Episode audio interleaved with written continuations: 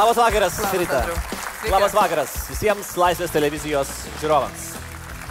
Šiandieną finalinis mūsų debatų etapas ir kaip ir dera finalui, mes šiandien paprašysim, kad kandidatuojantis į Europos parlamentą žmonės pasidalintų savo viziją, kokią jie mato arba kokią norėtų matyti Europos Sąjungą.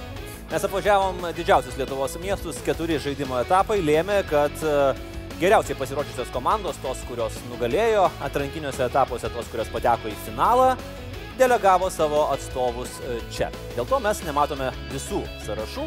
Devyni geriausiai pasirodė pirmosiuose keturiose etapuose ir kaip visada pradėkime nuo apšilimo žaidimo, o po to jau Rita galės įsikabinti su uh, A, nagučiais, iltimis. iltimis apie viziją ir apie Lietuvą Europoje.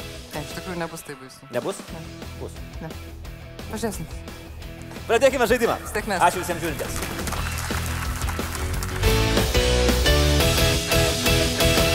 Pradėkime žaidimą. Pirmasis etapas ir metas susipažinti su jo dalyviais. Kaip ir minėjau, devyni geriausiai pasirodę sąrašai ir partijos atvyko čia, į Vilnių, į Siemenso areną.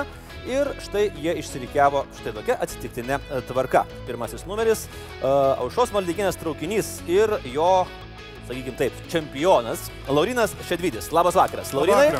Laurinas e, savo traukiniu yra iškovojęs dvi e, pergalės, dvi taures turi ir turbūt yra vienas rimčiausių pretendentų ir į padaryti tą vadinamąjį hat-trick, e, iškovoti ir trečiąją taurę.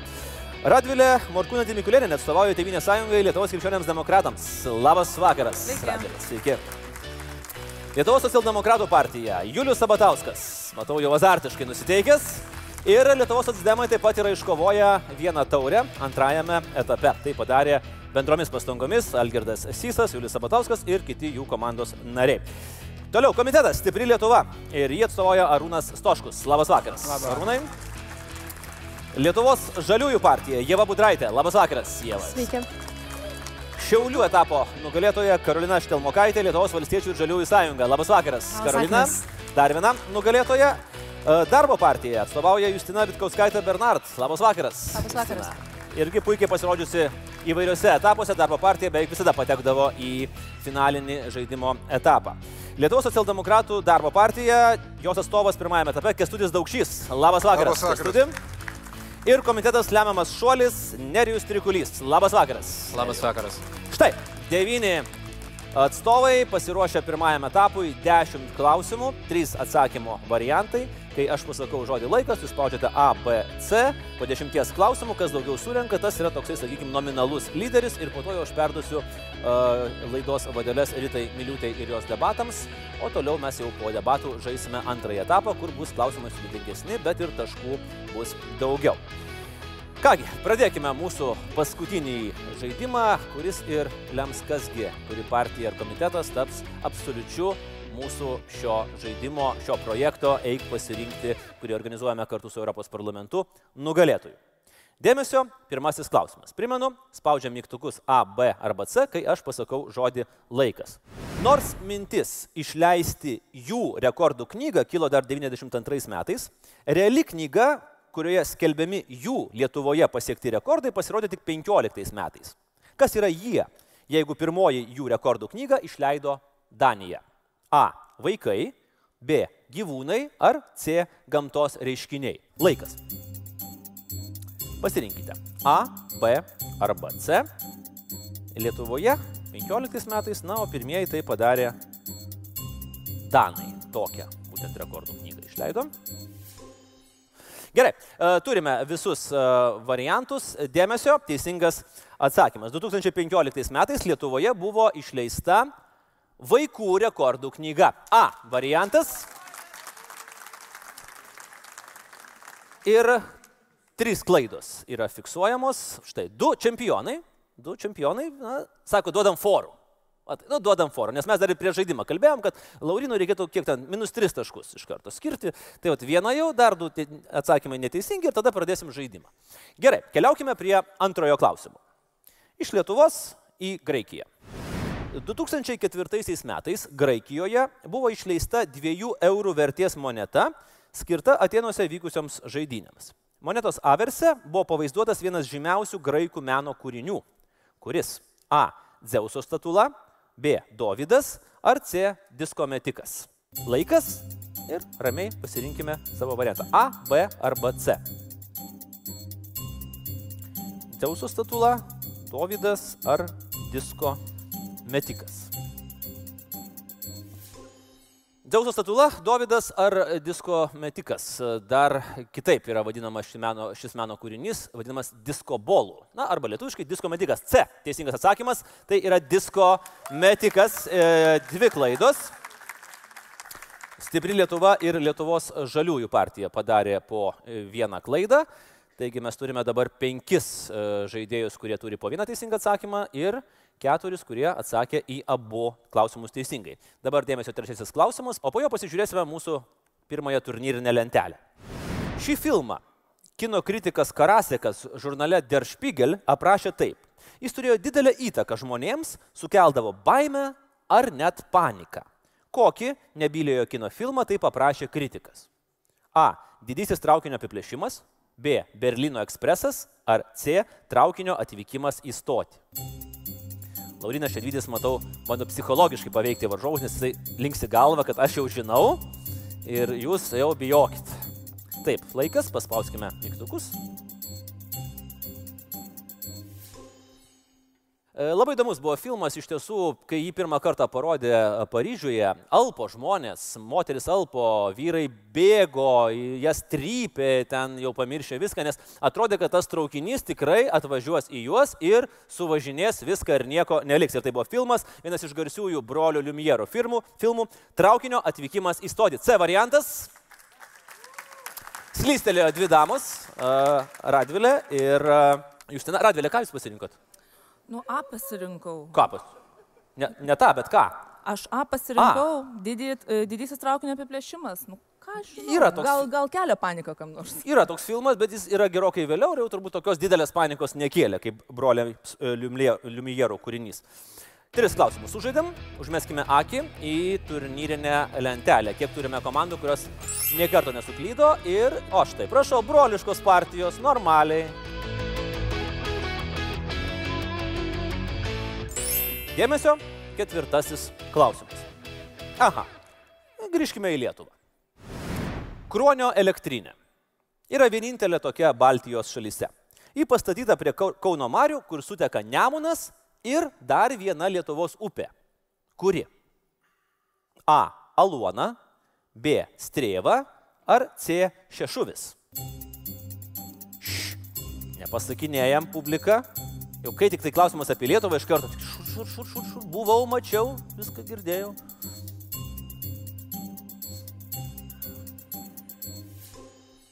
Kruonio hidroakumuliacinė elektrinė, vienintelė tokia elektrinė Baltijos šalyse ir vandens vaga iš elektrinės įteka į mares ties strėvos žiotimis. B variantas strėva, jau matau daug plojančių ir yra už ką plot. Visi atsakė teisingai ir galiu pasidžiaugti, kol kas socialdemokratai ir socialdemokratų darbo partija nepadarė nei vienos klaidos. Dėmesio, penktasis klausimas. 1926 m. Birželio 12 vakare 19 val. pasigirdo balsas, paminėjęs vieną Lietuvos miestą. Kurį? A. Kauna, B. Vilnių ar C. Klaipėda. Na, nu, aišku, ten galėjo būti tą 19 val. ir daugiau balsų, bet šitas balsas tikrai labai buvo svarbus. Ir jis paminėjo vieną Lietuvos miestą.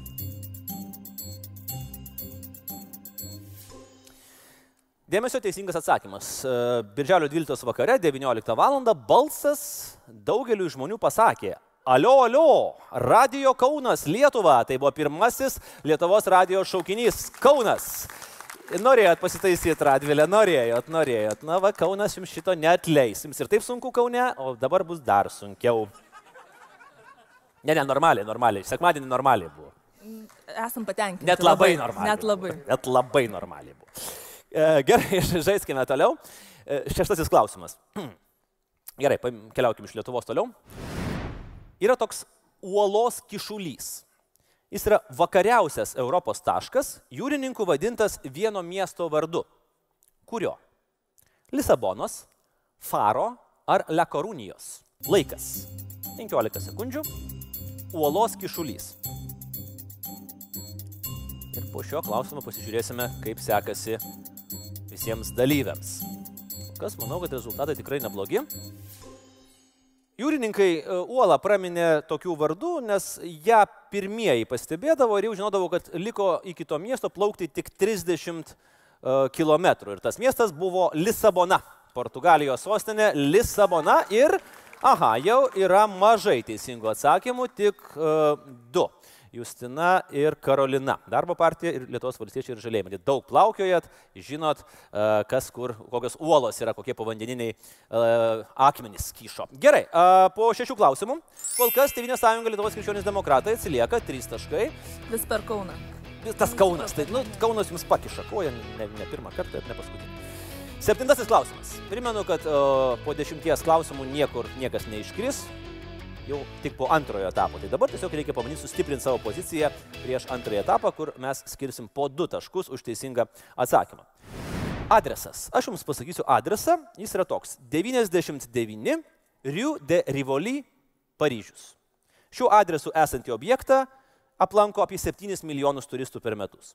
Kuris tai objektas? Louvre muziejus, Eifelio bokštas ar Versalio rūmai? 99 Rue de Rivoli, Paris. Girdžiu dūsavimus iš Tevinės sąjungos pusės, bet ir šiaip mažai. A, matau, Karolina šypsosi ir Justina šypsosi, o vyrai tokie rūstus. Jeigu įsivaizduotume Paryžiaus planą, Rue de Rivoli yra tokia, toks platus priekybinis prospektas, kuris kerta Paryžiaus centrą ir jo dešinėje yra piramidė, o šalia piramidės yra puikusis Luvras. Taip, tai buvo Luvras ir lengviau atsidūsta Radvilė pataikė, o teisingai atsakė, mačiau, ir uh, Nerijus. Ir dėmesio dabar aštuntasis klausimas. Suomiai tai vadina Pesapalo, švedai Bobol, o angliškai kalbančiuose šalyse jis žinomas kaip suomiškasis jis, na kažkas. Ir kiek kitaip nei įprastame jame, Kamoliukas metamas ne horizontaliai, o vertikaliai. Apie kokį sporto žaidimą mes kalbame? A. Golfas, B. Vandensvidis ar C. Beisbolas. Pesapalo ar bobol arba suomiškasis jis.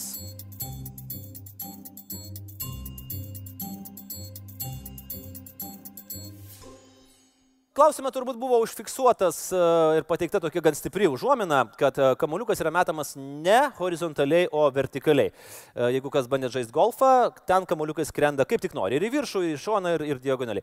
Vandensvidyje irgi, kai tu, kai tu meti, tu gali mesti jį ir į viršų ir panašiai. O štai beisbole kamuoliukas dažniausiai yra metamas tik tai horizontaliai. Tai yra pitcheris išmeta ir kamuoliukas e, keliauja. O štai būtent suomiškasis variantas, jis yra išmetamas į viršų ir tada jau kalama su lasda. Teisingas atsakymas atsakymas yra C.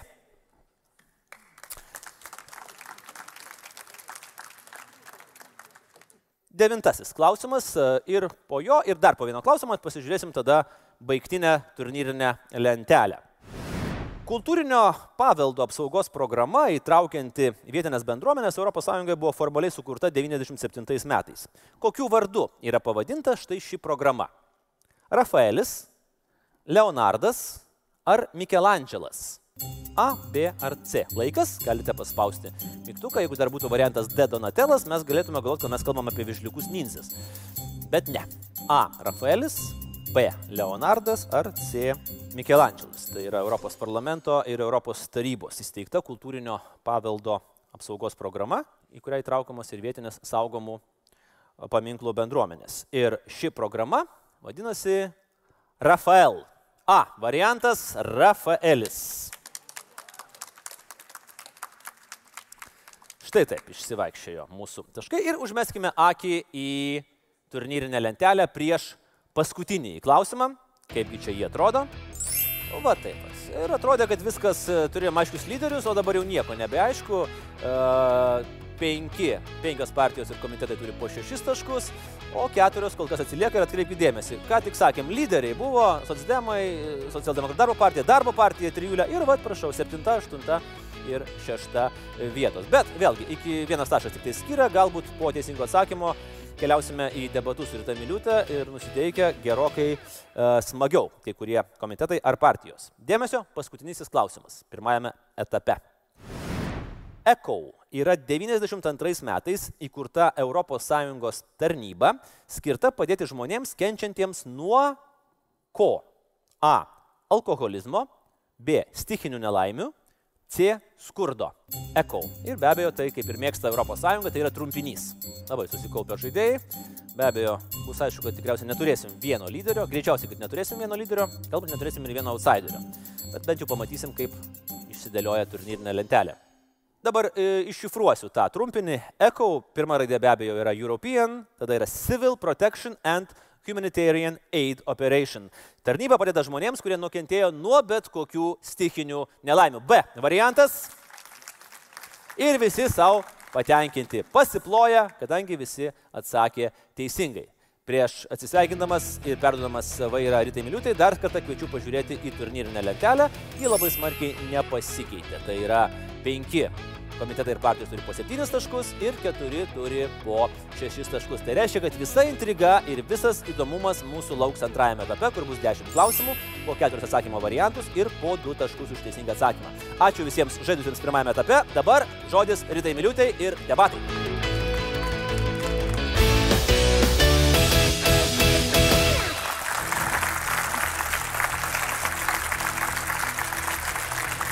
Ačiū ir taip pat klaimais pasitikim debatų dalyvius, bet trigubai garsiau.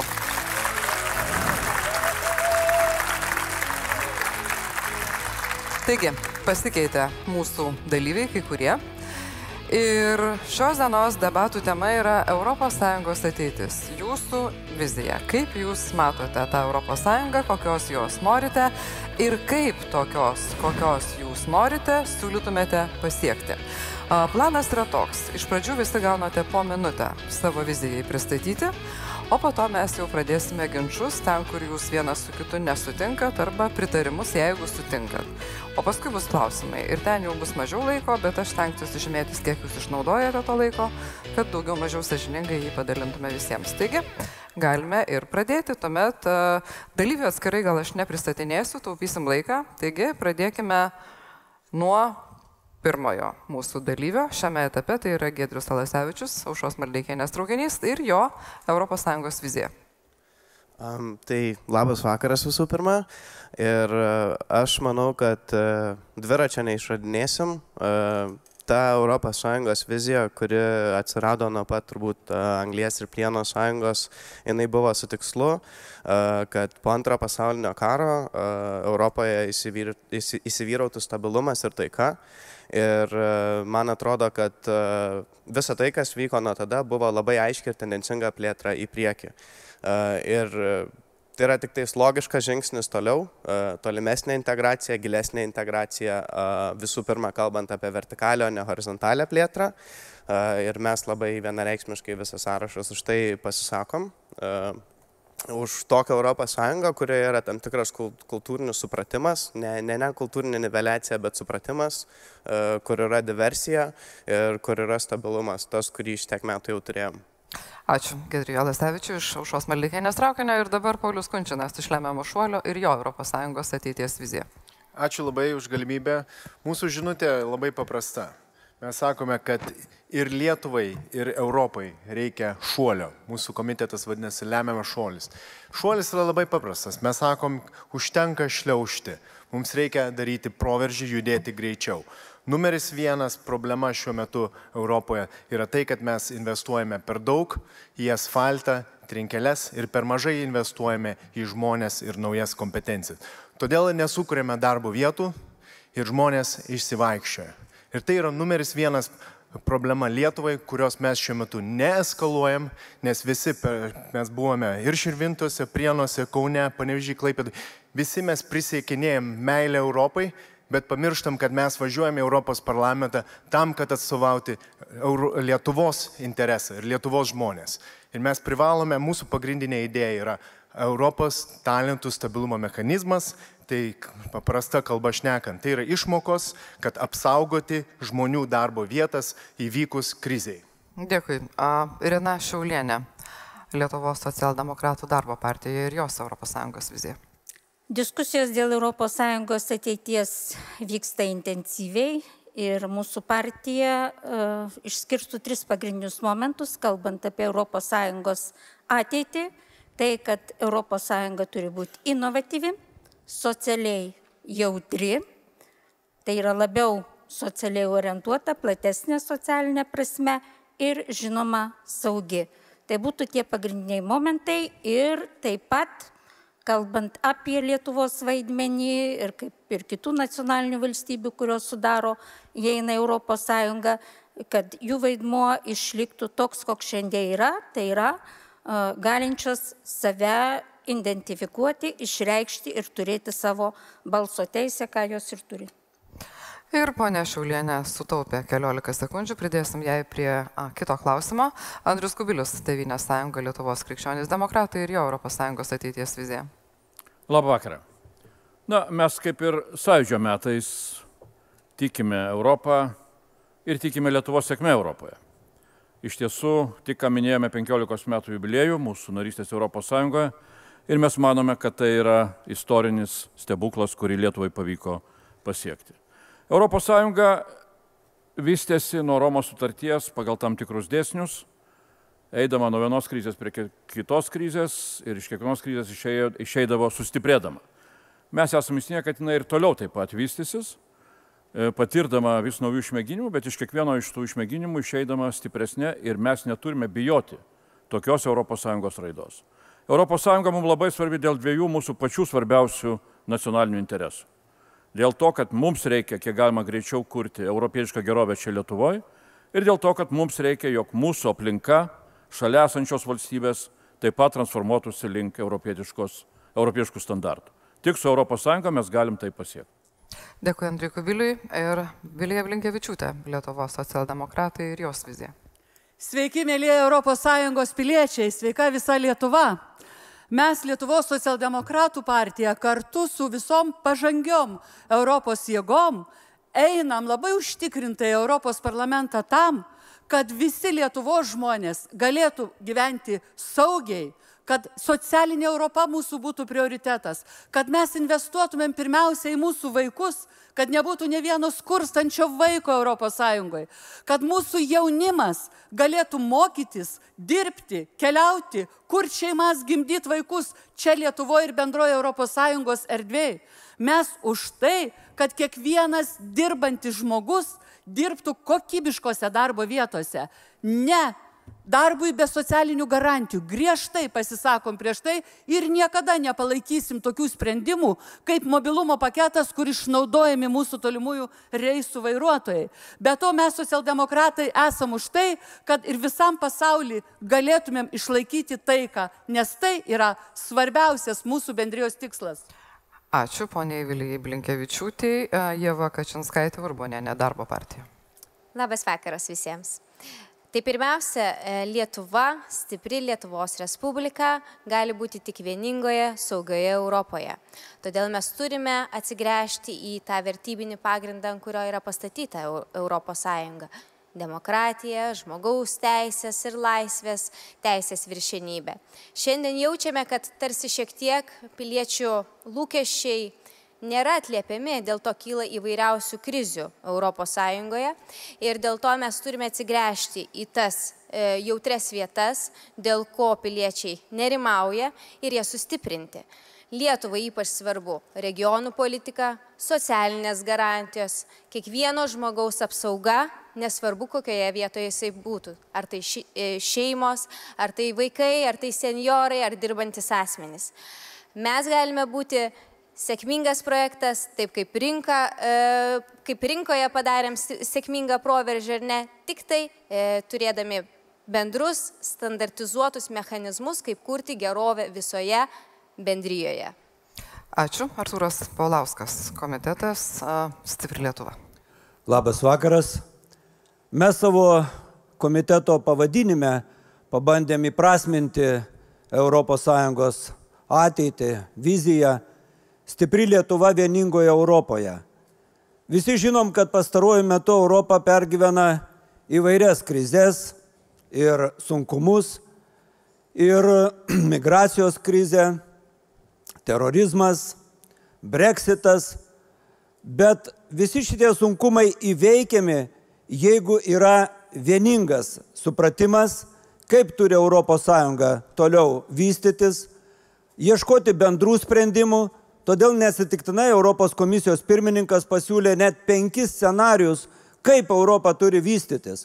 Ir aš manau, kad naujai susirinkęs Europos parlamentas turėtų svarstyti šitos scenarius ir pasirinkti keletą iš jų arba vieną iš jų, kuriuo keliu eiti Europos Sąjungai. Tačiau, Dėkui. Jūs- aš tik tai noriu dar pabrėžti. Keturi Vis- vis momentai nori yra labai pabrėžti? svarbus. Tai yra saugumas, ekonominė stiprybė, toliau turi būti teisingesnė, žalesnė Europos Sąjunga ir vertybių sklaida, nes Sąjunga turi tapti pasaulio veikėja, pasaulio lygio veikėja. Jūs turbūt suprantat, kad atsakinėjant į kitą klausimą, aš iš jūsų atimsiu kokias Gerai. 20 sekundžių. Gerai, svarbu, čia buvo sutarėme. Tai tikiu. A, ir Lietuvo žaliųjų partija Remigijus Lapinskas dabar su savo vizija. Labas vakaras. Aš noriu pasakyti, kad ES e, jungia visuotinai pripažintos vertybės ir teisės viršenybės principas ir tai yra puikus pagrindas mums vystyti bendrą ES. E, Lietuvo žalieji eina į Europos parlamentą teikdami, kad jie iš principo geriausiai supranta iššūkį, kuris e, šiandienai m, grėsia visam pasaulio Europai ir taip pat Lietuvai. Tai yra visų pirma klimato kaita, nešanti orų ekstremumus, prie kurių turės pristaikyti ir mūsų ekonomika, ir žemės ūkis, ir e, pramonė, ir miestai, ir kaimai ir taip toliau.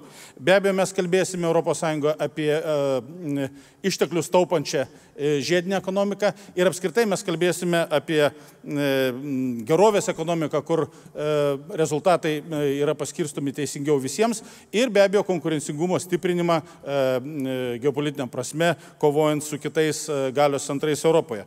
Taip pat be abejo, e, manau, kad turi vykti diskusija ir ieškoti bendros kalbos ir stipresnio vieningo balso užsienio politikoje, gynyboje, sienų apsaugoje ir energetinius e, klausimuose. Gerai. Ir Karolina Štelmokaitė, Lietuvos valstiečių ir Žaliųjų sąjunga su savo vizija. Labas vakaras dar kartą.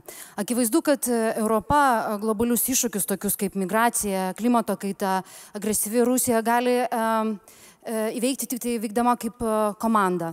E, Deja, mūsų skirtingai nei pavyzdžiui JAV nejungia bendra kalba, bendra istorinė patirtis ir skirtumai tarp e, valstybių narių neleidžia priimti tokios europi, e, ambicingos, e, e, ambicingo ateities plano. Ir kur nėra ambicijų, nėra ir charizmos. E, Ir kažkas labai teisingai e, pasakė, kad e, dabartinės ES charizma yra panaši į gerai veikiančio supermarketo charizmą. Ir manyčiau, kad ES turėtų būti lyderė tų jėgų, kuri e, kūrė naujo tipo ekonomiką, kuri pagrista ne tik tai vartotojiškumo skatinimu ir e, ekonominio augimo, e, turėtų būti suderinta ir aplinkosauga. Ir jeigu ES pavyktų įrodyti, kad investicijos į žiedinę ekonomiką, į tvarų vystimasi yra suderinama su sočiu gyvenimu, manau, kad ES atliktų tikrai labai svarbią misiją žmonijai. Dėkui. Jūsų vizijos pristatymas per minutę įvykdytas. Aš tikėjausi išgirsti kiek mažiau lozungų, daugiau receptų, bet tam mes turėsim visą likusį laiką. O dabar debatai vyks taip. Aš jums užduosiu klausimą arba pasakysiu teiginį, kurį jūs taip pat pamatysite ir ekranuose. Arba jūs pritarėte tam teiginiu arba klausimui, arba nepritarėte, arba renkatės trečiąjį variantą, kuris šiuo atveju bus, na, neturiu nuomonės, bet nebūtinai dėl to, kad nežinau, o tiesiog, kad reikia papildomai paaiškinti, kodėl tai yra trečias variantas. Tai ką, jeigu mes pasiruošę, tai galim tada ir pradėti. Ir pirmasis šio vakaro teiginys arba klausimas, kuriam jūs arba pritarėte, arba ne, arba susilaikot ir paaiškinat, kodėl, yra toks stipri kariuomenė, sėkmingos užsienio politikos pamatas.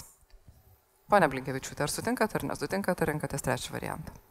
Taip, aš e, iš principo sutinku, kad reikia turėti stiprias nacionalinės kariuomenės, tačiau tikrai nepritariu bendrai ES kariuomeniai, nors tokių užuominų yra, ne tik užuominų, tokių siūlymų, pavyzdžiui, Prancūzijos prezidentas Makronas, kuomet atvyko į Europos parlamentą plenarinė sesija pernai metais, jis iškėlė tą mintį, kad reikėtų bendros ES kariuomenės. Ir ką jūs Tačiau mes, socialdemokratai, sakom, kad nepritarėm tokiai bendrai ES kariuomeniai, tačiau apskritai mes pritarėm pritarėm tam, kad nacionalinių kariuomenių veiksmai visų ES valstybių būtų daugiau koordinuojami tarpusavėje, kad mes reikalui esam, esant iš tikrųjų galėtumėm uh, sureaguoti staigiai dėl vieno ar kito atveju, kur reikalingos mūsų stiprios nacionalinės kariuomenės. Ne šiaip jau tai nuspręsti turėčiau ne tik aš asmeniškai ir galbūt ne tik e, mano socialdemokratinė šeima Lietuvoje, tačiau tai turėtų nuspręsti ir Lietuvos valstybė. Na, iš tikrųjų, vienas asmeniškai jūs ne vienas nieko negalėsite ten nuspręsti Europos Taip. parlamente, bet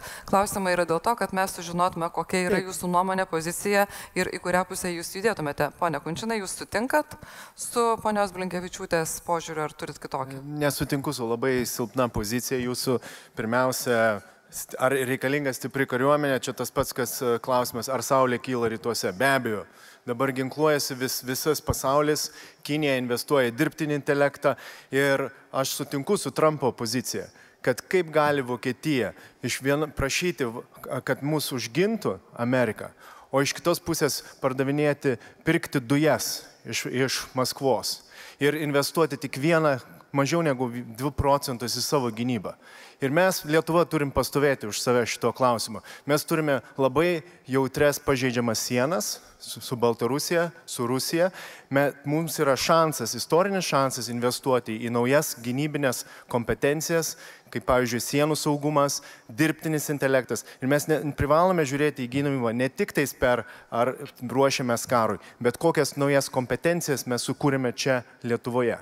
Ir tai yra istorinis šansas, kurį mes išvaistysime, jeigu taip kalbėsime biurokratiškai apie koordinaciją. Pone Palauskai, jūs irgi norėjote replikuoti dėl tos kariuomenės. Nes liktai tame klausime yra prezumuojama, kad jeigu neturi kariuomenės, negali vykdyti efektyvios užsienio politikos. Būtent matyti tai ir turėjo galvoje Suomio maršalas Mannerheimas, kuris formulavo tokį sakinį. Taip, tai man atrodo, kad kariuomenė yra naudojama tik tai kraštutiniu atveju, kai nepavyksta taikiom diplomatiniam priemonėm siekti rezultato.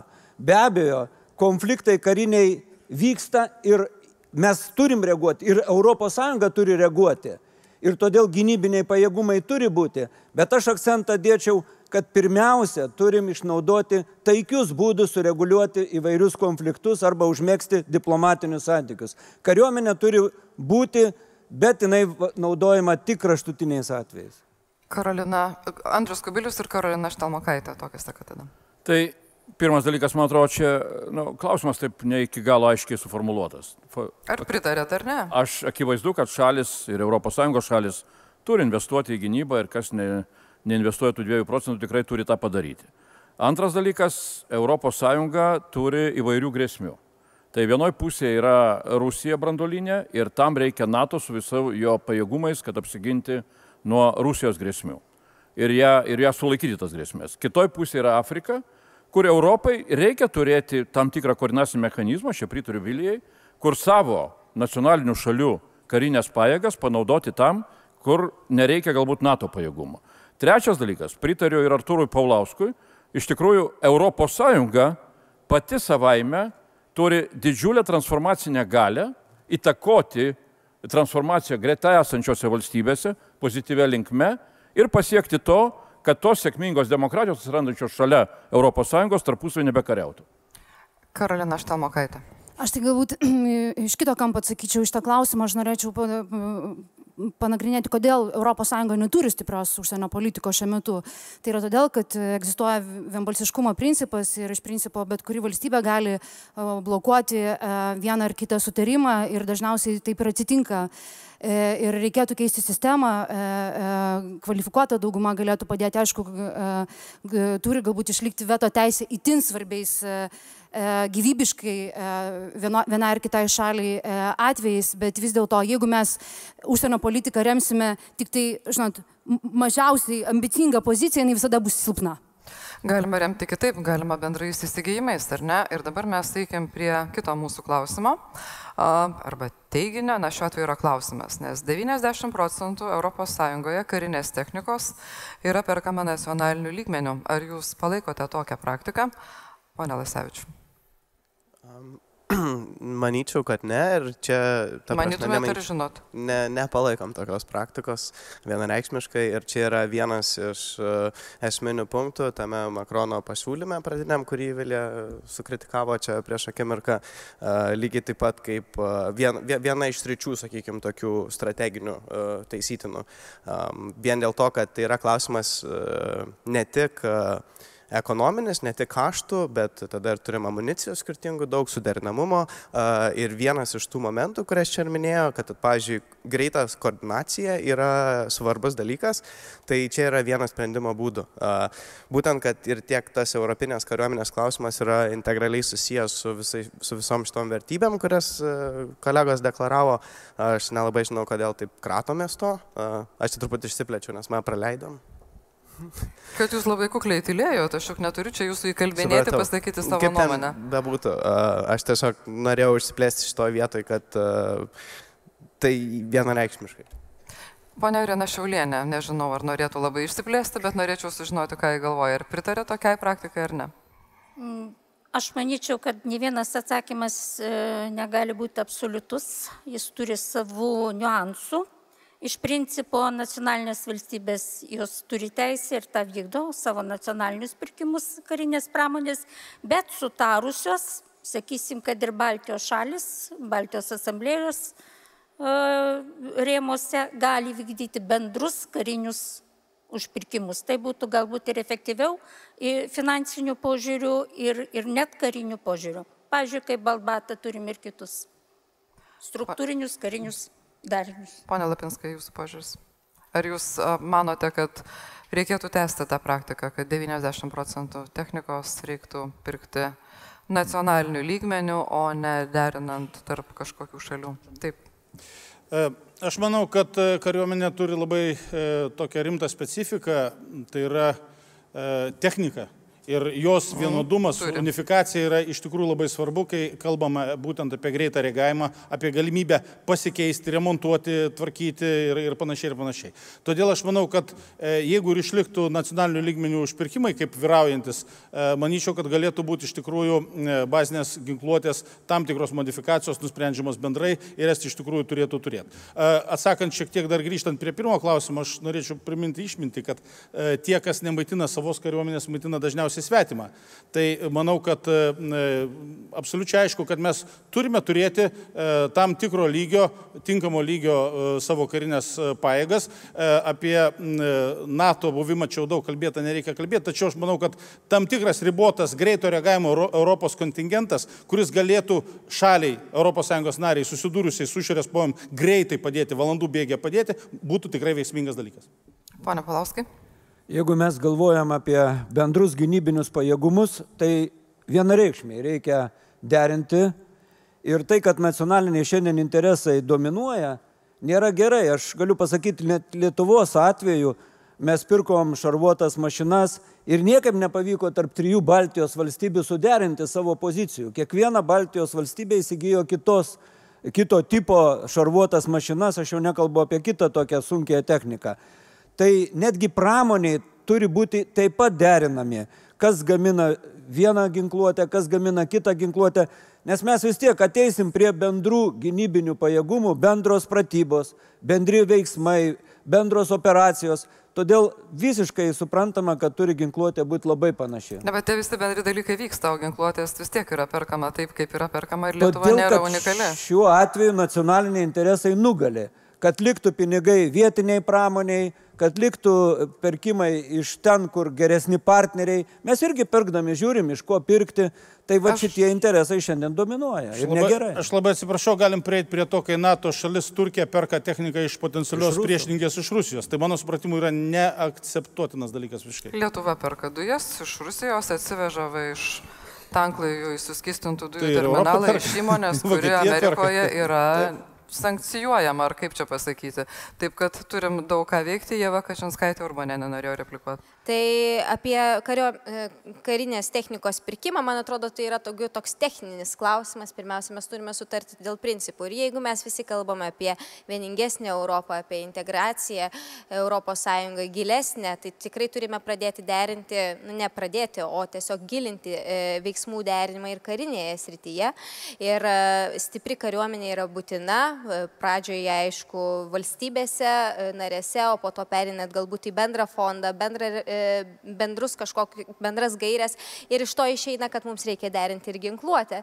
Todėl manau, kad mes per kitą kadenciją turime daugiau diskutuoti tiek tarp valstybių narių, tiek ir šalies viduje, ir išnešant tą poziciją ir Europos parlamente apie gilesnį integraciją ir kokiais būdais, kokiais metodais galėtumėm tai padaryti, nepažydžiant nacionalinių interesų. Tai mano visi tie klausimai ir būtų, kad jūs, jeigu galima, kalbėtumėte kokiais, o kad reikia, tai mes turbūt daugeliu klausimų sutinkam. Ponas Kunčinas, ponas Kubilius po to. Jo, dėja vėl aš girdžiu, kaip jūs sakėt, lozungai, biurokratinės frazės. Niekas, Dabar paklausysime lozungų. Ne, neįsigilinate į klausimą. Strateginis dabar klausimas, jūs sakėte, ar reikia stiprios armijos? Žinoma, reikia. Europa ne tik tai neišleidžia pinigų, bet, na, pavyzdžiui, Amerika turi vieną karinį lėktuvą, Europa gamina keturis. Amerika turi kelių rūšių tankus, mes turime keliasdešimt. Mes, mes paprasčiausiai neefektyviai investuojam į karinę pramonę.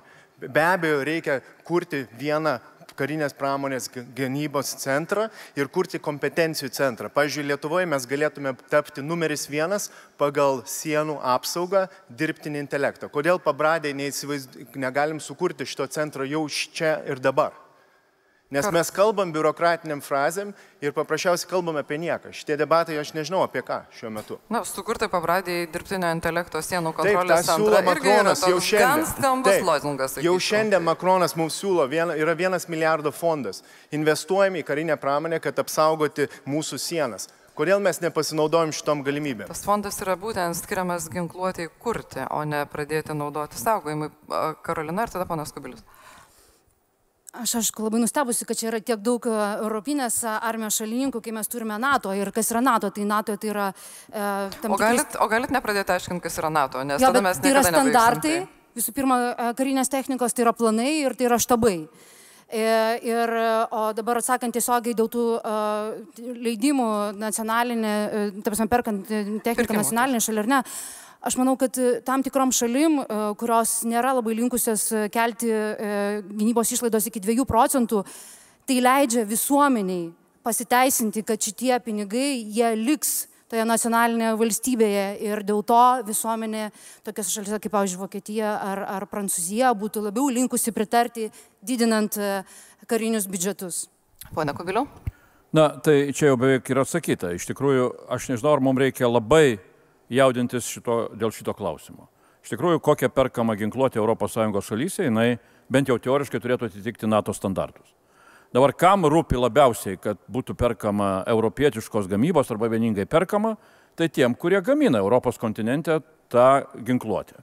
Nu, mes nesam pagrindiniai turbūt gamintojai, nei tankų, nei lėktuvų. Tai būtų gerai, būtų gerai, taip sakant, na, irgi galbūt tuos pirkimus labiau vienodinti, bet tai nėra mums pagrindinis klausimas. Gal atpiktų? Aš lab, žymiai labiau. Ir čia vėlgi yra pavyzdys, kaip kitose didelėse Europos sostinėse sugalvota politika Europos, mes tampame jos vartotojais. Vietoj to, kad mes patys labiau žiūrėtumėm tai, kas mums yra svarbu. Mano įsivaizdavimu, mums, kai kalbam apie gynybą, yra svarbiau ne tai, kokią ginkluotę pirkti, o kaip pagaliau priversti ES aiškiai įsivardinti, kas yra pagrindinės jos grėsmės. ES iki šiol nesugeba įvardinti, kad karinių požiūrių Rusija yra pagrindinė grėsmė. Aš atsiprašau, atsiprašau sugeba. Po... Europos parlamentas e, kovo mėnesį priėmė labai stiprią rezoliuciją ES Rusijos e, e, santykių atžvilgių, kur yra įvardinama Rusija, Rusija dėl agresijos, dėl e, hybridinių e, grėsmių ir kitų dalykų nebėra strateginė ES partnerė. Bet ar yra grėsmė? Junktinės Amerikos valstijos yra, įvardinę, yra įvardinę aiškiai savo nacionalinio saugumo strategijoje, kad Rusija yra kartu su Kinė yra grėsmės Junktinių Amerikos valstijų globaliam saugumui. Svarbu, Kai Europos Sąjunga tai mhm. pasakys, tada galėsim kalbėti apie tai, kokią techniką reikia įsigyti. Pone Blinkievičiūtė ir ponas Talasevičius potom. Na, aš tik vieną pastebėjimą iš darbo Europos parlamente kada iš tikrųjų šitoj kadencijoje jaučiu, kad yra didelis sustiprėjimas bent jau diskusijų ir siūlymų iš didžiųjų valstybių vadovų, turiu omeny tiek Makroną, tiek Angela Merkel, kurie kalba vis labiau apie bendrą ES kariuomenę. Tiesa, pirmas e, išstojo komisijos pirmininkas Junkeris kažkada kaip ir zonduodamas, kokia bus situacija dėl šitos kariuomenės, tačiau aš tikrai nemanau, kad tai būtų lengvas sprendimas, kur pavyktų tai padaryti greitų laikų, tačiau aš pilnai sutinku, ką pasakė sakė ir Andrius, ir kiti kolegos čia diskutuojantis, kad mes tikrai turime daug daugiau investuoti apskritai į savo saugumą ir ne tik į karinį, bet pavyzdžiui ir į socialinį. Na ir turbūt tos pirmos užuomenos apie tą kariuomenę pasigirdo ne kada nors, o būtent tada, kai tokia užuomena, kad NATO galbūt galėtų neginti Europos, jeigu jinai nemokės pati savo gynybai. Ir kai tą pasakė Junktinių valstijų prezidentas Gedrius Salasevičius nori. Tai aš norėčiau pridėti ir iš tikrųjų papanuoti, kad tai dabar galbūt ES kaip niekada anksčiau supranta, kad Rusija yra grėsmė. E, galbūt jie taiko minkštąją galę, bet tai tik tai todėl, kad istoriškai visą laiką tokia ir taikė. Ir kaip tik todėl dabar būtent yra reakcija, kaip Rita pasakė, dėl, dėl NATO, dėl, dėl Trumpo komentaro apie NATO, bet taip pat lygiai ir ypač dėl Ukrainos. Ir mes visi žinom, kaip puikiai ES susitvarkė su Ukraina, aš čia aišku ironizuoju. Tai tiktais, ko aš pasigendu, tai mes visi sakom, nacionalinės valstybės turi tvarkytis, turi tvarkytis, kažkaip susikoordinuoti, kažkokie NATO standartai, bet tai būtent uh, šit, visos šitos problemos ir buvo sudėtos į Makrono pirminį pasiūlymą ir tai yra kažkoks aiškus uh, planas ir aiškiai kažkokia strategija ir iki šių dienų tai yra tiesiog vienintelis pasiūlymas. Aš nesakau, kad negali būti alternatyvų, tačiau niekas jų nepasiūlė, oponentai šiandien taip pat. Remigijus Lapinskas galbūt turi aš, alternatyvą. Aš manau, kad labai aiškiai pasiūliau alternatyvą ir jeigu kažkas neišgirdo, tai dar kartą kartoju. NATO dubliuoti nereikia. NATO yra galinga struktūra ir ilgajam kare arba ilgajam konflikte be abejo turi visus šansus nugalėti bet, kurį, bet kurią šią dienos e, pasaulio kariuomenę. Tačiau klausimas yra ypač svarbus tokiom valstybėm kaip mes, nedidelėm valstybėm, kurios valandų bėgė gali mechanizuotų korpusų e, būti, tarkim, užimamos arba bent jau strateginiai objektai. Todėl turi būti ES struktūra struktūrą, su labai puikiu, geru valdymu, su visais mandatais suteiktais, kad 3, 4, 5 valandų maksimum bėgė e, atsidurtų karštajam taške ir gintų e, mūsų, mūsų sienas. Tada tai bus ne dviejų valstybių konfliktas, tada iš tikrųjų bus ES konfliktas su, tarkim, išorės priešu. Ir tai bus labai veiksminga. Štai ką aš siūlau. Jeigu aš gerai atsimenu, mes pradėjom nuo tų įsigijimų, kurių dabar ES šalis 90 procentų atlieka nacionalinių lygmenių. Gerai, ryškime su karinė technika šioje vietoje. ES ateitis yra ne tik tai labai svarbi gynybos dalis ir užsienio politikos, bet ES ateitis yra ir jos plėtra arba nebeplėtra. Ir dabar aš jums užduosiu klausimą ir noriu, kad susitartume. Jeigu jūs pritarėte, tai tiesiog pasakot, kad pritarėte, jeigu nepritarėte, pasakom, kad nepritarėte. Ir mes pažiūrėsim, kiek kokių nuomonių čia turim. Pritariu, nepritariu arba trečioji kita nuomonė. O klausimas yra toksai. Ar palaikote Turkijos, kokia ji yra dabar, norą tapti visą teisę ES nare? Ir jeigu galim iš eilės, taip, ne, be nuomonės, ponia Kunčinai. Nepalaikau. Ponia Šiulienė? Nepalaikau. Nesutinku. Ne, tikrai ne. Nepalaikau dėl vyraujančių vertybių. Ne. Tikrai ne. Tai tokia, kokia Ar dabar ne? tai neįstos. Tai Bet čia... ar jūs palaikytumėt, kad jai reikia įstoti ir tada jai reikia Tai- reformuoti? Jau buvo pareikšta. Jeigu dėl jinai pasikeis, Čia, tai gal... visi suprato klausimą. Nu tai aš ir atsakau, nu tai tokia, kokia dabar jinai neįstos. Tai Andriui čia... Kubiliui trūksta Žiūrėkit, aš bandau pakartoti klausimą. Ne ar jinai įstos, bet ar jūs palaikote jos norą? Tokia kaip dab, jos norą. Taip. Tokia, kokia dabar yra, tikrai nepalaikau. Aš jūsų nuomonę supratau, Tai nesupratau aš pono Kubiliaus. Nu, tai aš, Jūs sakėt, ne- kad neįstos. aš nepalaikau tokios. Gerai, ponia Bet gal bus geresnė. Nesutinku.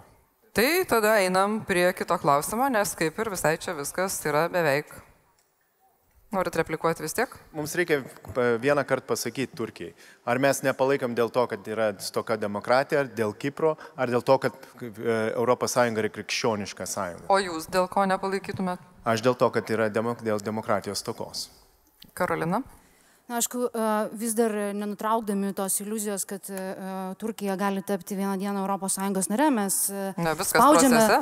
e, mes spaudžiame Turkiją, aišku, gerbti labiau žmogaus e, teises, e, žiniasklaidos laisvę ir taip toliau. Ir nepamirškime dar kito dalyko, kad, NATO, kad, kad Turkija yra NATO svarbi šalis. Taigi palaikymas, sakysime, dialogo ir, ir tos tolim, to, toli, tolimoje ateityje narystės, jisai yra naudingas mums. Jo, klausimas buvo apie tai, ar palaikytumėte jos norą tapti ES nare. Mes nekalbam apie dėrybas ir dėrybinės NATO pozicijas ir, ir ką tame visame veikia Rusija su Turkija ir panašiai. Einam prie dar vieno klausimo, nes jūs jau keliu užsiminėte apie tai, kaip ES turėtų arba nebūtinai turėtų išsakyti griežtesnę poziciją dėl įvairių dalykų. Ir vienas iš jų būtų, ar ES turi griežtinti sankcijas Rusijai. Na, pradedant galbūt nuo, nuo to, apie ką kalbėjo ponas Andrius Kubilius, kad reikėtų aiškiai įvardinti, kad tai yra grėsmė ES ir galbūt po to daryti kažkokius kitokius dalykus. Taigi, kas sutinka, kad ES turėtų griežtinti sankcijas Rusijai? Nesutinka ponė Šiaulienė ir ponė uh, Urbanaitė. Kačinskaitė, Urbanaitė. Kačinskaitė, Urbanaitė, atsiprašau. Kuo jūs kažkada pasirašėt? Tai e, pirmiausia, e, galbūt reikėtų apskritai pradėti nuo to, kad e, bendrystė Europos Sąjungoje mes remiame dialogų bendromis vertybėmis, ar ne?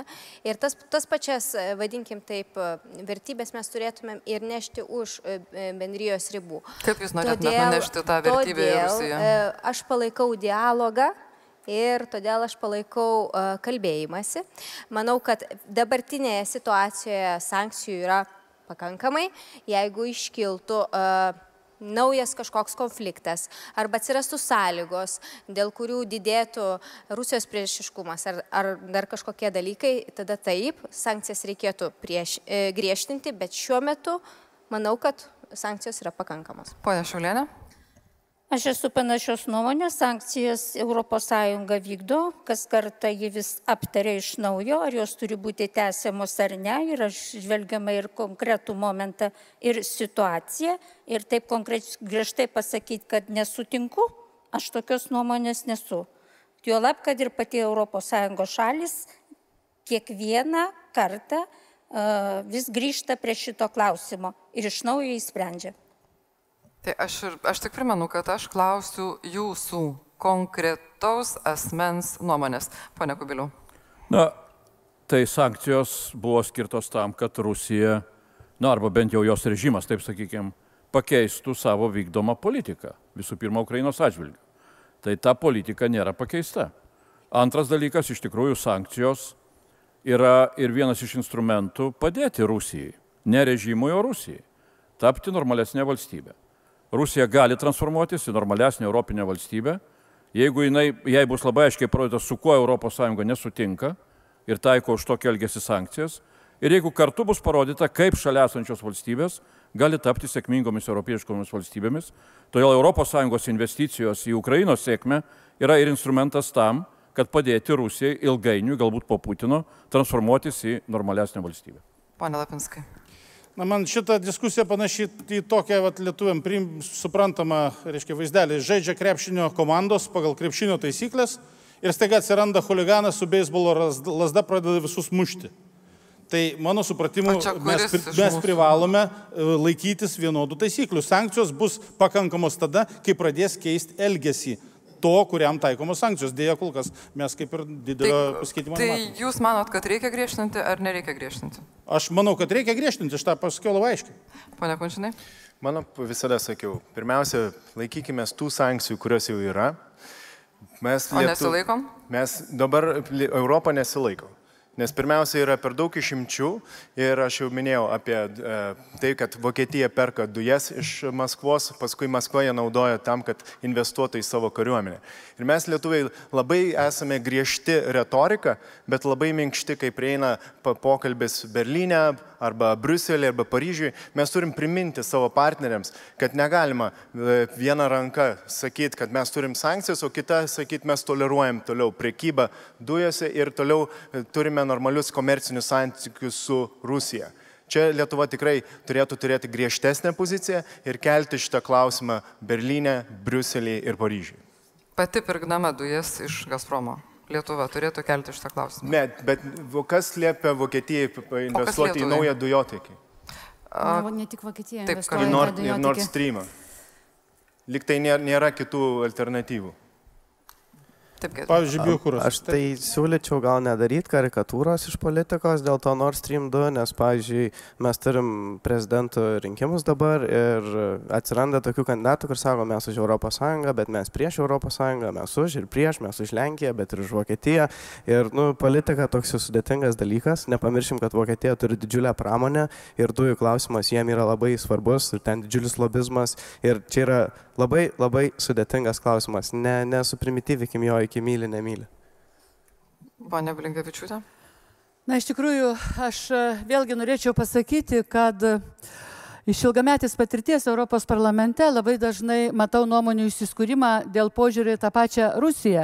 Žinoma, yra labai gaila, kad kai kurios didžiosios ES valstybės, ne tik Vokietija, tačiau ir kai kurios kitos, na, e, gan palankiai žiūri į Rusiją, ta prasme, kad, na, jos nori gauti kokią tai ekonominę naudą. Ir tai labai aiškiai matosi. Ir aiškiai matosi mūsų pozicija, pavyzdžiui, Baltijos šalių arba Vidurio rytų Europos šalių. Yra tam tikras išskirtinumas, kur mes puikiai žinome, kad Rusija, Putino Rusija, kaip sakoma, ir toliau e, na, nori daryti tam tikrą įtaką ES valstybėm ir ypatingai dabar, kada vyksta rinkimai, irgi yra e, ar Europos parlamentą, ir nebūtinai Lietuvoje, bet ir kitose valstybėse tikrai yra didelis pavojus, kad Europos parlamento sudėtis po gegužės 26 e, bus kitokia ir tikslas tikslas bus tiesiog greuti Yra Europos toks pavojus, kad jinai bus kitokia tikrai po šitų rinkimų.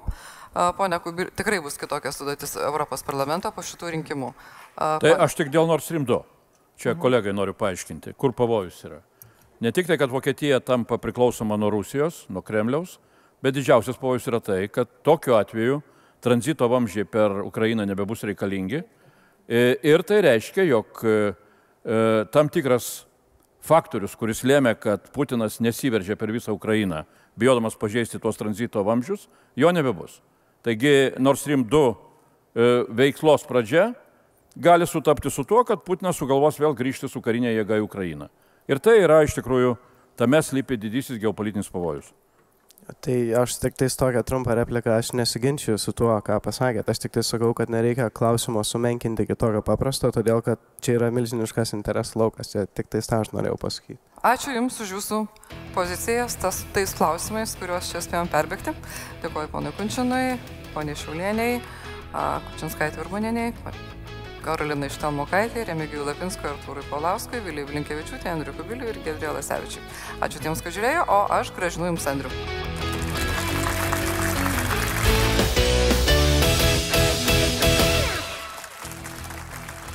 Sveiki sugrįžę į antrąjį mūsų žaidimo etapą. Pristatysiu naujus žaidėjus, kuriuos matau prie pultelių, po to pasižiūrėsime į turnyrinę lentelę ir iš karto pulsime žaisti. Taigi, pasikeitimai. Prie antrojo pultelio Tevinės sąjunga Lietuvos krikščionys demokratai Emanuelis Zingeris. Labas vakaras, Emanuelė. Sveiki. Algirdas Tysas, Lietuvos socialdemokratų partija. Ignas Stankovičius, Stipri Lietuva, komitetas, nauji žaidėjai. Lietuvos žaliųjų partija, Vytautas Nekrošius, labas vakaras, vakarą. Vytautai. Rimantė Šalaševičiūtė, Lietuvos socialdemokratų darbo partija. Štai tokie yra nauji žaidėjai. Užmeskime akį dar kartelį į turnyrinę lentelę. Po pirmojo etapo labai, labai tokia tikrai e, atkakli kova. Penki komitetai ir partijos turi po septynis taškus, keturios partijos ir komitetai turi po šešis taškus. Primenu, dabar dešimt klausimų, keturi atsakymo variantai. Kai pasakau laikas, spaudžiam A, B, C arba D ir už teisingą atsakymą jau gaunam po du taškus. Vadinasi, geras pasirodymas gali dabar bet kurį komitetą ar partiją išsviesti į mūsų finalinį žaidimą. Primenu, paskutiniajame finale dalyvauja keturios geriausiai pasirodžiusios komandos. Dėmesio, pradėkime žaidimą. Pirmasis klausimas. Prancūzijos šiaurėje yra nedidelis miestelis, kurio valdžia neretai svarsto keisti pavadinimą, kadangi jis sutampa su vienu trumpiniu. Kokiu? A. ES, EK, EU ar EP. Laikas galite pradėti rinktis ir spausti mygtuką. A. ES, B. EK, C. EU ar D. EP. Miestelis yra Sen Maritim regione ir matyt truputį jo valdžiai nervas nelaiko. Dėl ko nerimauja ir yra nepatenkinta miestelio valdžia, dėl to, kad vedant į paieškos sistemą miestelio pavadinimą yra beveik neįmanoma jo surasti, nes visą laiką išmeta Europos Sąjunga arba angliškai EU. Of course, C variantas yra EU. E, turiu tokį įtarimą, kad uh, Laurinas Vytautas ir turbūt D variantą rinkotės, nes, na, kitus labai lengva buvo atmesti, tikrai čia. Mūsų abreviatūros nieko bendro su to neturėjo. Štai taip, suklydo beveik pusė žaidėjų, keliaujame į antrąjį klausimą. 2003 metais stoti į ES buvo pakviestos 10 šalių. Devynios iš jų rengė referendumą dėl stojimo į ES, o viena ne. Kuri? A. Malta, B. Kipras, C. Čekija, D. Slovakija. Laikas galite spausti mygtuką, primenu, turite 15-20 sekundžių apmąstymams. Bet paspausti būtinai reikia ir pirmasis spaudimas bus įskaičiuotas. Malta, Kipras, Čekija ar Slovakija. Na, ten valdžia nusprendė, tai žmonėm galvoja, neprasidėsim, pasakysim ir bus tvarka. Visi atsakymai yra užfiksuoti, vienintelės valstybės valdžia nusprendė neduoti žmonėms čia bereikalo sprendinėt ir tai buvo B variantas, tai buvo Kipras. Kipras. Vėlgi, labai gražiai išsidalino teisingi ir klaidingi atsakymai. Ir manau, kad vis darysis įdomiau pažiūrėti į turnyrinę lentelę po pirmųjų dviejų antrojo etapo klausimų. Pasižiūrėkime, kaip e, dabar atrodo šitie rezultatai. Ir turim vieną aišku lyderį, tai yra Teivinė sąjunga, Lietuvos krikščionys demokratai, abu teisingi atsakymai. Uh, toliau yra Sotsdemai, Stipri Lietuva ir Maldykinės traukinys kol kas kartu su valstiečiais ir žaliaisiais, na, kovoja dėl paskutinio kelialapio. Uh, staptelėjo Lietuvos socialdemokratų darbo partija, turi šešis taškus. Dėmesio, trečiasis klausimas. Šiaurės auksų vadinamas vario lydinys yra naudojamas 10, 20 ir 50 euro centų monetoms gaminti. Tačiau originaliai tas lydinys buvo sukurtas kitos valiutos gamybai. Kokios? A. Švedijos krona, B. Rusijos rublis, C. Danijos krona ar D. Vokietijos markė. Laikas galite spausti mygtuką. Beje, tas lydinys e, buvo naudojamas ir e, kai kurių proginių monetų gamyboje, taip pat e, Lenkijos kai kurių proginių monetų gamyboje, bet esmė vis dėlto buvo viena valiuta. Tuoj sužinosime, kuri ir sužinosime, kas atsakė teisingai. Šis lydinys originaliai buvo sukurtas Švedijoje, būtent kronoms. Ir vėlgi keturi teisingi atsakymai. Teisingai atsakė uh, Laurinas, uh, Algirdas, Ignas ir Karolina. Gerai, ketvirtasis klausimas. Žaidžiam. Uh, adresas, adresas, adresas. Uh, Arbor Road 12, Highbury ir būtas numeris 2. Tai yra vieno anglo gyvenamoji vieta. Galbūt realaus žmogaus, galbūt personažo. Kas jis? Ištikimas savo aprangos kodui, kuris gyvena štai šiuo adresu. Ponas Binas, Vinstonas Čerčilis, Džeimsas Bondas ar Oliveris Twistas. Laikas galite pagalvoti ir pasirinkti. Arbor Road, Highbury ir būtas numeris 2. Kas ten gyvena? O ten moterų daug buvo. Kur? Tam būte? Taip. At nesakysiu, nes čia tada labai aiškiai būtų į vieną personažą orientuotas atsakymas. Nes aplink poną Biną be abejo moteris tiesiog sukosi. Aha, disku, diskusija vyksta, ar, ar namą turėjo, ar būtą. Na, vienintelis pasirinko Jamesą Bondą, Ignas. E, aš galvoju, kad žinokit būtų sunku Jamesui Bondui turėti tokį atvirą adresą, nes e, vis dėlto jos arba didenybės tarnyboje atsisakintas, jeigu dar turėtų būto numerį ir, ir dar... Uh, slapta, slapta, jis užslaptintas. Užslaptintas. Tiesiog, ten tiesiog parašyta J. Bondas, kad nes žinotume. Šitas žmogus yra ištikimas savo aprangos kodui, mes visuomet jį matom vilkinti tą patį ansamblį. Balti marškiniai, raudonas euras kaklaraštis, tas pačios kelnes bei Švarkas ne pirmo naujumo, tai yra personažas ponas Binas. Ir štai čia yra jo adresas. Jeigu būsite, užsukite. Keturi teisingi atsakymai ir po ketvirto klausimo vėl siūlau pasižiūrėti į mūsų turnyrinę lentelę, kadangi manau, kad ji darosi vis labiau ir labiau intriguojanti. E, Turim naują lyderį? Taip, turim naują lyderį. Socialdemokratai aplenkė e, Tevinės sąjunga, antroje vietoje Maldykinės traukinys, trečioje vietoje Stipri Lietuva, ketvirta, penkta, šešta. Bus labai įdomi kova tarp Tevinės sąjungos, žaliųjų ir valstiečių ir žaliųjų. Na ir kol kas nesiseka, nesiseka Rimantį Šadaševičiūtė išsibėgėti, bet dar šeši klausimai. Ir lemiamas šuolis taip pat truputėlį, na per trumpai gal atsitraukia, kad tą šuolį padarytumėt, bet dar šeši klausimai. Penktas klausimas. Ponai ir ponios. Šioje šalyje draudžiama naudotis mobiliaisiais telefonais mokyklose net ir pertraukų metu. Tai ir buvo vienas iš 2017 metais vykusios prezidentinės kampanijos siūlymų. Netgi prezidento, kandidatas į prezidentus tai siūlė. Apie kurią šalį mes kalbame? Prancūzija, Italija, Niderlandai ar Kroatija. Laikas - visiškas draudimas net ir pertraukų metu. Ir vat, vienas iš kandidatų į prezidentus 17 metais sako, čia bus mano platforma. Su tuo aš noriu tapti prezidentu. Ar tapo ar ne, na, sužinosim po keliolikos sekundžių. A, B, C arba D. Metas pasirinkti. 2017 metais vykusios rinkimų kampanijos metu šis kandidatas kalbėjo apie visišką telefonų uždraudimą mokyklose ir galbūt tai ir sąlygojo jo sėkmę. Tas kandidatas buvo Emanuelis Makronas ir tai yra Prancūzija. Matau, džiaugiasi. Ignas džiaugiasi Karolina. Ir keliaukime į šeštąjį klausimą, o dabar jau tas klausimas, į kurį jūs negalite neatsakyti, nes jeigu jūs į šitą klausimą atsakote neteisingai, mes jūs e, diskvalifikuojame iš rinkimų. Ne iš žaidimo, o iš rinkimų, nes jums ten ne vieta. Kaip, a variantas? Bet paklausykit, koks klausimas. Paklausykit, koks klausimas. Kuri politinė grupė turi daugiausiai vietų šios kadencijos Europos parlamente? Nu, nejuokaukit, su tokiais klausimais tikrai. Ta prasme, nejuokaukit, jūs kur jūs einat? Tai čia gerai, dabar susikaupkim. A. Europos liaudės partija. B. Europos socialistų partija. C. Liberalų ir demokratų alijansas už Europą. D. Europos demokratų partija. Laikas. Pagalvokit, savo mygtuką paspauskit ir štai keliasdešimčiai tūkstančių rinkėjų parodykit, kurgi jūs esat. Galiu pasufleruoti, tai yra 264 vietos. Jūs turit, jūs privalot, bet tiesiog. Jūs privalot. O jau čia vieni kitus spaudžia, jūs privalot žinot, o jūs, o aš aš nebūtinai. Ne, aš privalau balsuoti už socialistus. A, jūs negalite už nesavus balsuoti.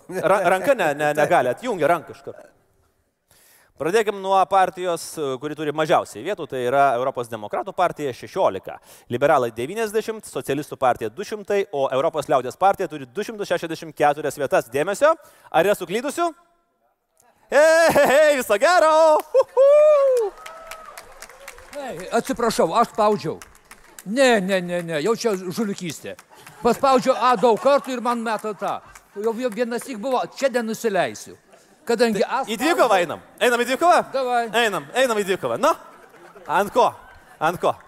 Nu, nu viskas, gerai, užskaitom. Taip, e, Europos liaudės partija 264. O, Vytautai, jūs nenorite į dvikovą su manim? Ne. Ne. O, sąžininkai prisipažįstat, kad suklydot. O ką jūs pasirinkot?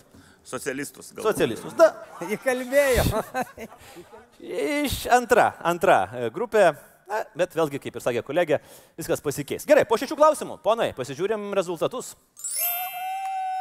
O kaip gražiai išsiva, išsilygino rezultatai ir jau aišku, turim keturis uh, lyderius. Tai yra Maldykinės traukinys uh, Lietuvos socialdemokratai, Lietuvos valstiečiai ir žalė ir stipri Lietuva. Tai palauk, ar užskaitė? Užskaitė, užskaitė, Ignai. O šiaip tai aš dar ir kairę rankę, aš jums savo silpną ranką daviau, nes ai, ką jau čia su jais. Gerai, dėmesio septintasis klausimas. Nu, jeigu jau šito neatsakysi, tai irgi diskvalifikuosim. Kuris iš šių žmonių nėra buvęs europarlamentaru? Vytautas Landsbergis, B. Česlovas Juršienas, C. Aloizas Sakalas ar D. Eugenijus Gentvilas. Laikas, paspauskim ramiai, kultūringai vieną mygtuką, vieną kartą. Kurio? Kuris nėra buvęs europarlamentaru? Aš nebuvęs. Norėtumėt? Dalyvauju. Kas nenorėtų? Galėt paklausti, kas neišbuvo kadenciją, va čia būtų įdomiau. O, tai aš nebuvau toks tikras. Pasižiūrėkime, ar visi atsakė teisingai, nes teisingas atsakymas yra B. Česlovas Juršienas. Niekas nesuklydo, be abejo, tai yra Česlovas uh, Juršėnas, buvęs Lietuvos Seimo pirmininkas. Taip, visi gauna dar po du taškus. Uh, liko trys klausimai, susikaupkime, ponai, ir keliaujam toliau. Aštuntasis klausimas.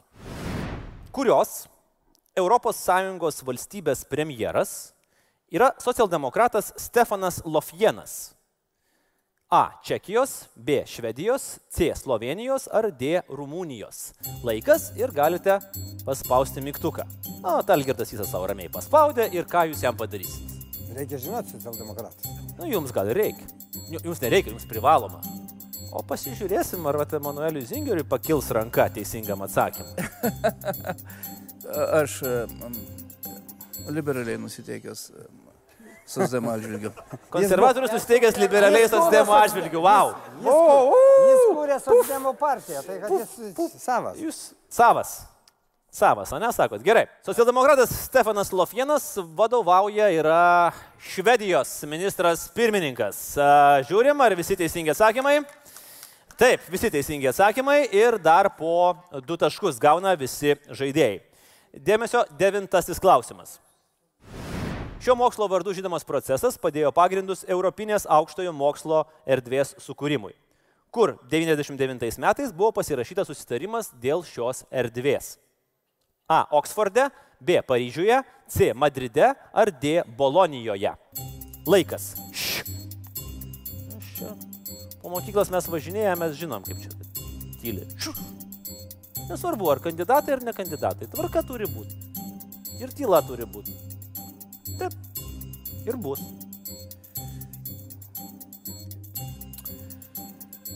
Minima sutartis buvo pasirašyta ir to paties vardo e, proceso metu, o vardas yra logiškas, nes ten yra viena seniausia Europoje aukštojo mokslo įstaiga, tai yra Bolonija. D variantas. Žiūrim ir visi užsifiksavo savo teisingus atsakymus. Likus paskutiniam klausimui, dėmesio į turnyrinę lentelę. Taip, Maldyginės traukinys 23 taškai, LSDP 22, Valstiečiai ir Žaliai 21, Stipri Lietuva 20. Na ir Tevinė sąjunga ir darbo partija vis dar turi šansų, jeigu atsakys teisingai į paskutinį klausimą, kurio vertė yra 2 taškai, o Stipri Lietuva suklys. Dėmesio, paskutinysis klausimas. Kaip žinia, dabar Lietuva gali deleguoti 11 europarlamentarų. Daugiausiai vietų Europos parlamente Lietuva turėjo pirmasias kelias kadencijas. Kiek vietų turėjo Lietuva? A. 12, B 13, C 14 ar D 15. Laikas, paspauskite mygtuką. 12, 13, 14 ar 15. Na, po to įstojo kelios naujos valstybės ir truputėlį teko pasispausti mums. Dabar turim 11.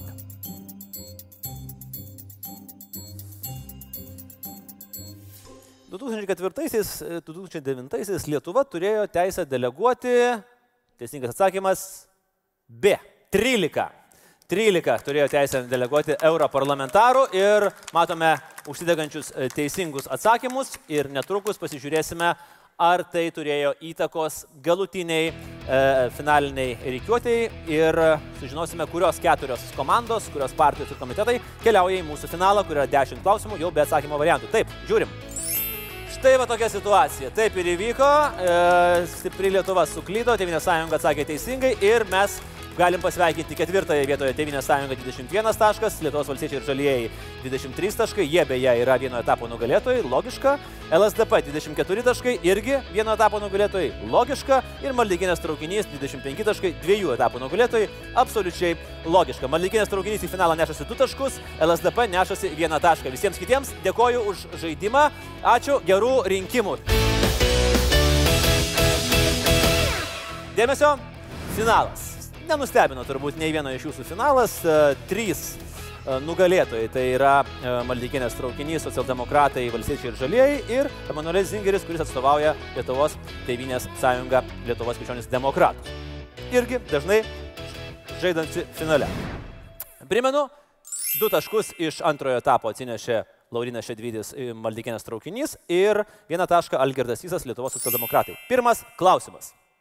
Galbūt reikės greitos reakcijos. Primenu, pakeliat ranką ir atsakot. Tikriau, sulaukit mano ženklo. Kokios profesijos atstovų yra įdarbinama daugiausiai ES institucijose? Taip, Laurinas. Vertėjai. vertėjai. Ir iš karto du taškai keliauja Laurinui Šedvidžiui, labai greitai ir labai užtikrintai. Pirmieji du taškai ir traukinys juda link trečiojo, link trečiojo trofėjaus. Keturi taškai jau yra traukinio sąskaitoje, vagone.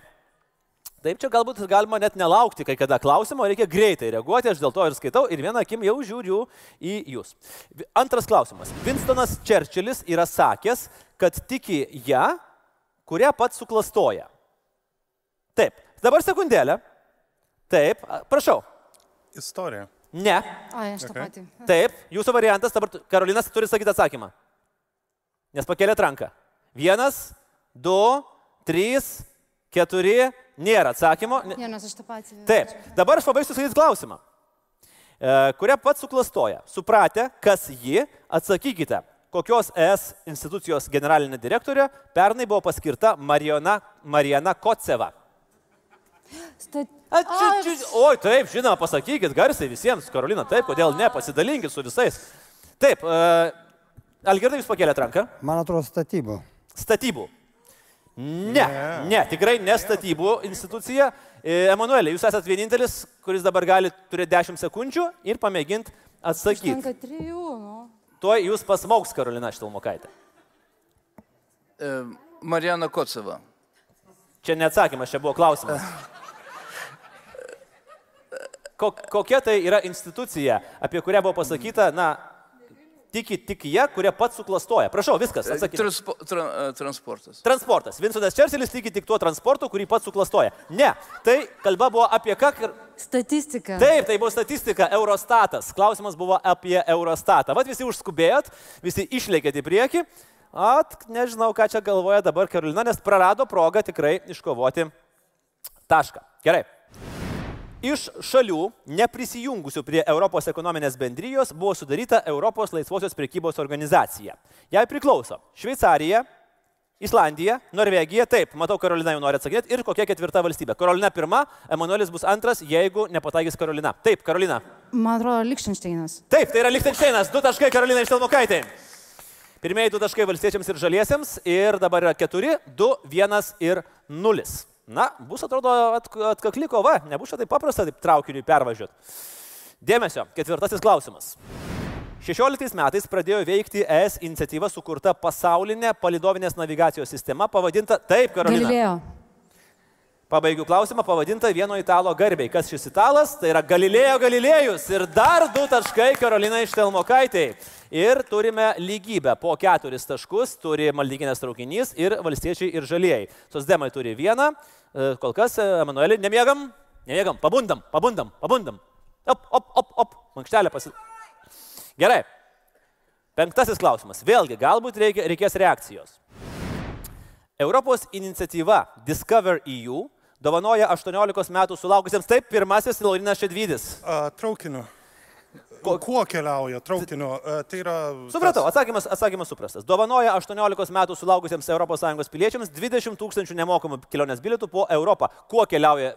Logiška, be abejo, logiška. Traukiniu, Ne taip. tik tai, ne tik tai. Tos, tos šalis, kurios neturi susiekimo su Europinė traukinių sistema, gali keliauti ir keltais. Tai gali Jūsų- keliauti ir pėsčiomis, bet jūs- esminis Ne, atsakymas bet be abejo keltai- yra Keltai traukinys. irgi yra finansuojami šios programos. Ai, nu čia jūs pateikėt tokią kaip papildomą informaciją, bet Žodžiu, papildomas taškas turėtų. Nemanau. Iš taip, po penkių klausimų e, vėl į priekį išsiveržia aušos maldykinės traukinys, šeši taškai. Šeštasis klausimas. O kokia yra įtampa? Ir čia jau reikia tokios tempo didžiulio. Lisabono sutartimi įteisintas kasmet rugsėjai Europos parlamente vykstantis SOTEU. Taip, pirmasis. State of the European Union pranešimas apie, apie uh, sako Taip, prezidentas. Palauk, e, stop. Jūsų atsakymas yra State of the European Union.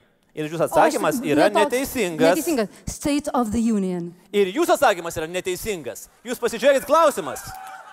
Tai yra kasmetinė kalba, kurią parlamente sako prezidentas. Kieno prezidentas? Jūs sakot State of the European Union. Ne. Ne, jūs nepažiūrėjote į klausimą. Mėlyjeji. Jūs taip skubėjot. Taip skubėjot. Ir dabar va du ramiai savo žmonės, va ramiai savo sėdim, va šokam netgi truputėlį. Tai gal, gerai, klausimas. Kalba, kurią parlamente sako prezidentas. Kieno prezidentas? Algirdai, Emanuelė. Emanuelės kelia ranką. Europos Sąjungos vadovas. Nėra tokio varianto. Emanuelio, jūs ten kažkur kažką ne visai. Ne, ne Europos Sąjungos. Algirdas Įsas turi tašką, šansų iškovą tašką. Pažiūrėkit, net, net, net purtosi varžovai. Belgijos turbūt tada. Belgijos prezidentas. Bet e, irgi neteisingas klausimas, nes yra pirmininkas vis dėlto. Pirmininkas, komisijos. kurie parlamente sako prezidentas, kieno prezidentas arba pirmininkas, nes yra skirtingi vertimai, jeigu galės pasižiūrėsit. Tai, Europos komisijos. Tai aš atsakiau taip, kolega. Ne, jūs sakėt Europos Sąjungos. Yra Tai ne, ne, skirtumas? Europos komisijos vadovas, aš taip pasakiau. Ne, jūs Taip. sakėt Europos Sąjungos. Žodis Ne, buvo ne, ne, Europos, Europos komisijos. Sąjungos.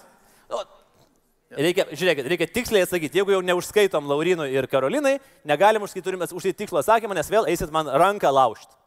Aš nebenoriu. Septintasis klausimas. 20-ojo amžiaus pabaigoje Europos parlamento aplinkos, visuomenės sveikatos ir maisto saugos komitetas. Taip, Karolina. Vienas, Va. du, trys, keturi. Atsakymas. De, e, narių, nenarių. Atsakymas, neklausimas, skaitykit, atsakinėkit man. Nėra atsakymo. Taip, Laurinai. E, Mėgančioji gražuolė. Mėgančioji gražuolė. Aš pabaigsiu dabar skaityti atsakymą, nes aš matau, kad jums patiko kelti ranką, Jo, neišklausus jo, klausimų. Jis buvo pramintas komitetu ją. Koks pasakos personažas buvo ji, jeigu tas komitetas, na, buvo nei svarbus ir niekas jame nenorėjo dirbti. Laurinas Šedvidis mano, kad tai yra mėgančioji gražuolė. Ne, tai ne mėgančioji gražuolė. Algirdai ir Emanueli, koks pasakos personažas buvo tas komitetas?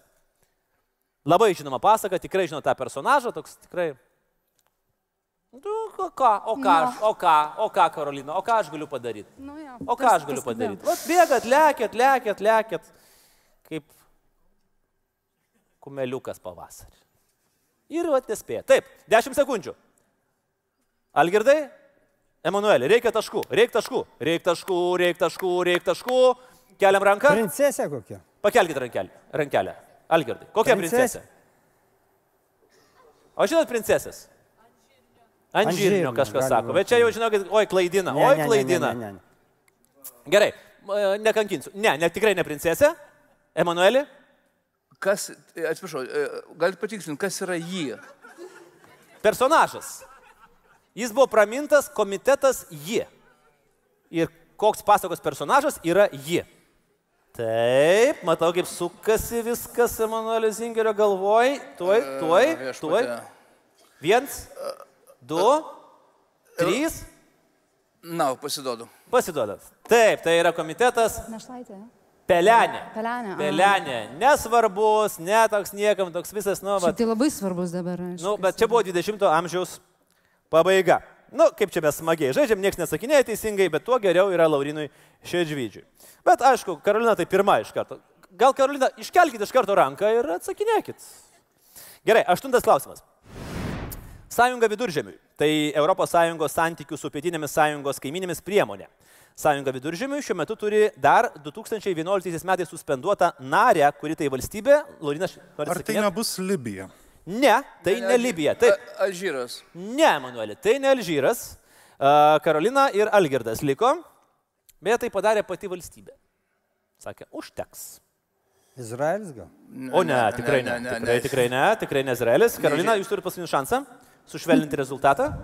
Tai tada Libanas. Libanas. Nu, įdomus variantai, jūs apšaudėte tą valstybę iš jūsų pusių, iš principo. Tunisas? Ne, ne, Li- Tunisas ir Libanas toli. Tai yra Sirija. Tai yra Sirija, kurioje ir dabar be abejo vyksta, ir turbūt pirma mintis galėjo būti arba Libija, arba Sirija. Na, bet jūs apsišaudėt visas įmanomas valstybės, bet nepataikėt. Taip, pasižiūrėkime į turnyrinę lentelę. Liko du klausimai.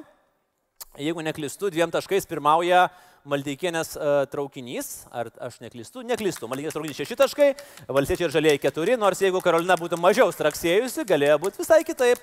LSDP vienas, na ir Emanuelis grumėsi kaip liūtas, bet dar taškų nėra. Man reikia, reikės dabar vieno tikslaus žodžio, vieno vienintelio, be jokių išsidirbinėjimų. Vieno. Europos parlamente yra kvestorių pareigybė. Šias pareigas eina penki asmenys atsakingi ne tik už EP narių administracinius, tačiau ir tokius klausimus. O žiūrėk, pakilo ranka vis dėlto Karolinos, kokius? Renginius. Renginius. Ne. Taip. Ne renginius. Taip. Taip, ne. Taip, Emanueli. Etikos. Etikos klausimus, administracinius ir etikos klausimus. Irgi nenoriu pri, priimti Bet atsakymą. renginius tikrai. Yra du Andriau. esminiai klausimai, kuriuos, už kuriuos atsako kvestoriai. Administraciniai ir... Lankomumas. Ne, ir nelankomumas. Laurinai, iššaunat, laimit. Vienas žodis. Aš suprantu, kad man reikia tikslaus atsakymo, toks bjaurus tas šitas klausimas. Jis tam tikrą prasme ir su renginiais yra susijęs. Galbūt Logistikos. logistikos. Ne, šiek tiek per giliai, tai klausimas buvo absoliučiai paprastas. Administracinius ir finansinius klausimus atsako kvestoriai. Labai K- Karolina į mane skeptiškai žiūri, bet du esminiai momentai yra štai šitie. Gerai, paskutinis klausimas ir po jo mes sužinosime, ar Maldyginės traukinys iškovoja lemiamą trofėjų, galbūt valstiečiai ir žalieji ištraukia pratesimą, o galbūt kažkas iškovos ir savo pirmąjį tašką finale. Latvijos vyriausybė 2007 metais skelbė, jog parduoda tam tikrus objektus. Šiandien čia veikia parduotuvės, užeigos, kavinės, moteliai.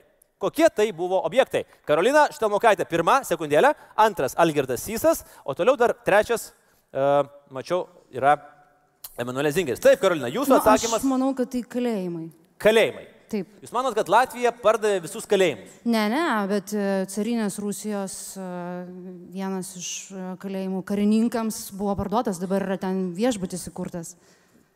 Bet mes kalbam apie visą objektų, tam tikrus objektus, turbūt visus objektus savai aišku. Taip, uh, Emanuelį, palauk, uh, Algirdai, jūs man. Kariniai objektai buvę. Kariniai objektai. Ne, jau jie buvo gerokai anksčiau. 2007 jau buvo gerokai anksčiau buvo jie parduoti. Emanuelį. Čia Jurmalui. Aišku. Um, aš manau, kad, uh, aš manau, kad uh, um, ligoninės. Ligoninės. Jo. Latvijoje nebeliko ligoninės. Ir kalėjimų. Viską išpardavė, padarė viešbučius. O, puiku. Laurinai, jūsų finalė. Ten buvo didžiuliai radarai, kurie buvo na, iš Sovietų sąjungos e, parduoti ka, kaž, kažkada tuo metu, bet, bet, bet, bet, bet aš ne, nežinau, ar čia būtent tie. Taip, iš radarų, su, nu, variadą, bet sunku. Bet ten milžiniški tie, tie prieš. 2007 metais Baltijos šalis įstojo į Šengeno zoną ir pasidarė visiškai nebereikalingi Muitinės, pasienio postai, iš kuriuose buvo įrengtos parduotuvės, užėgos, kavinės, moteliai ir kiti objektai. Ir tada visi suprato, verslininkai, čia galima užsidirbti pinigėlio. Dėmesio, pasižiūrėkime į mūsų galutinę turnyrinę lentelę. Nebuvo stebuklingų rezultatų, bet buvo daug dramos, buvo daug įdomių atsakymų, buvo daug skubotų atsakymų ir turbūt logiškai mes sveikinam Aušros Maldeikienės traukinį ir jo atstovą Lauridą Šedvydį, kuris finalinėme Vilniaus etape iškovoja pergalę surinkęs šešis taškus. Keturis taškus surinko Lietuvos valstiečių ir žaliųjų sąjunga, LSDP 1, Tevinė sąjunga finale taškų negavo. Laurinai, sveikinam, sveikinam trečiasis trofėjus ir uh, Mūsų sveikinimai, plojimai ir prisiminimas nuotraukai. Ačiū labai už žaidimą, ačiū visiems finalo dalyviams, kurie buvo. Ir tai buvo paskutinis mūsų renginys. Viskas, sekmadienį yra rinkimai. Gerai ar blogai, nesvarbu, kaip jūs nusiteikę, eikit balsuoti, eikit išsirinkti, išsiųskime geriausius Lietuvos atstovus į Europos parlamentą. Ačiū visiems būtiems su Laisvės televizija. Iki gerų rinkimų.